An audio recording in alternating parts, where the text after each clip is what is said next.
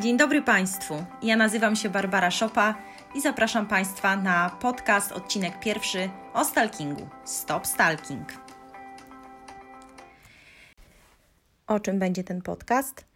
Odpowiem na pytanie, czym jest stalking. Kiedy wprowadzono do polskiego kodeksu karnego przestępstwo uporczywego nękania? Jakie kary grożą za to przestępstwo? Doradzę także Państwu, co zrobić, żeby nie stać się ofiarą stalkingu, a kiedy już się to przydarzy, jak się przed nim bronić.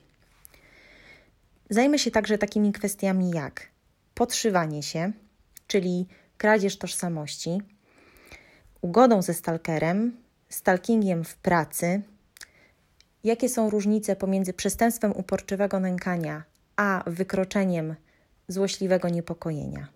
Odpowiem na pytanie, jak uzyskać zadośćuczynienie za stalking, a także przybliżę bardzo powszechny temat i pożądany przez czytelników mojego bloga zakaz zbliżania się i kontaktowania z ofiarą. Zanim przejdę do meritum i opowiem Państwu, czym jest uporczywe nękanie, kilka słów o mnie. Tak jak wspomniałam na wstępie, nazywam się Barbara Szopa i jestem adwokatem. Od 2010 roku jestem członkiem Izby Adwokackiej w Warszawie. Prawo jest moją pasją, do studiowania którego zainspirowała mnie mama. Natomiast w arkana zawodu wprowadził mnie mecenas Tadeusz Cupryk. Adwokat Tadeusz Cupryk był wybitnym warszawskim obrońcą w procesach karnych, pod patronatem którego odbywałam aplikację adwokacką. Swoją kancelarię adwokacką prowadzę w Warszawie od 2013 roku. I wówczas pierwszy raz spotkałam się ze zjawiskiem stalkingu i z tym tematem, z którym przyszła do mnie klientka imieniem Ania. Okazało się, że temat jest bardzo popularny i w związku z tym postanowiłam przyjrzeć się mu bliżej. W 2015 roku na podstawie dwuletniego doświadczenia w temacie założyłam bloga stalking.com.pl. Obecnie 90% wszystkich spraw, które prowadzę w swojej kancelarii, to sprawy dotyczące uporczywego nękania. Nie tylko reprezentuję pokrzywdzonych, ale również podejrzanych i oskarżonych. Reprezentuję ich w sądzie oraz przed organami ścigania. Sporządzam pisma i doradzam w toku postępowania. A teraz, przechodząc do meritum, czym jest stalking? Stalking to zjawisko, które powstało w Stanach Zjednoczonych pod koniec lat 80. ubiegłego wieku. Stalking tłumaczony dosłownie z języka angielskiego oznacza podchody, skradanie się i tropienie. Chodzi o to, że stalker, czyli człowiek, który dopuszcza się stalkingu, śledzi swoją ofiarę, obserwuje ją, skrada się pod jej dom, a także dopuszcza się wielu innych czynów, które na początku były związane z obsesyjną miłością, wielbieniem właśnie gwiazd filmowych Hollywood. Za początki stalkingu uważa się sprawę Johna Hinckley'a, wielbiciela aktorki Judy Foster.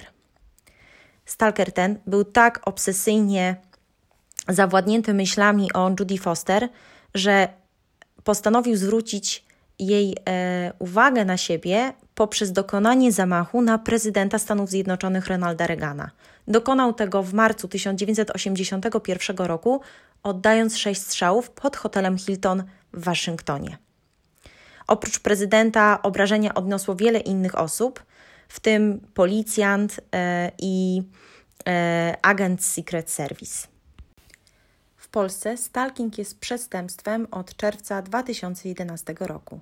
Wtedy bowiem wszedł w życie artykuł 190 kodeksu karnego, który mówi nie tylko o uporczywym nękaniu, ale również o podszywaniu się, czyli kradzieży tożsamości.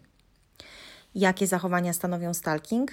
Otóż takie, które pozornie są legalne, czyli telefonowanie, wysyłanie listów, nachodzenie pokrzywdzonego w różnych miejscach, jak w domu czy pracy, śledzenie go.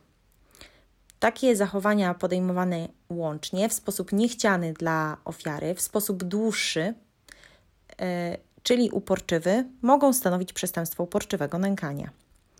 Nękanie może odbywać się także poprzez wypytywanie o ofiarę w jej otoczeniu, na włamywaniu się do skrzynek na listy lub do mieszkania ofiary, a także na rozpowszechnianiu nieprawdziwych i przykrych wiadomości o ofierze.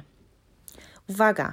Stalking może polegać również na zamachu fizycznym na zdrowie, życie lub nietykalność osobistą pokrzywdzonego lub jego osoby najbliższej.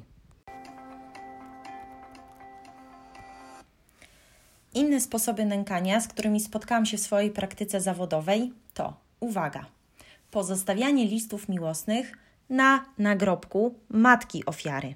Tak, nie przesłyszeliście się Państwo.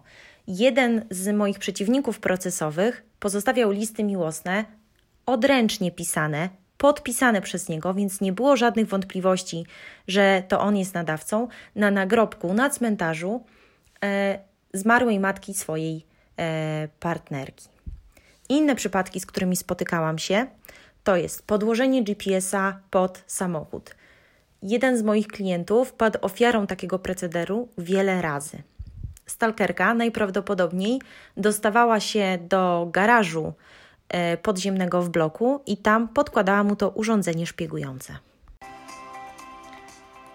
Jak reagować na stalking? Jak sobie z nim radzić?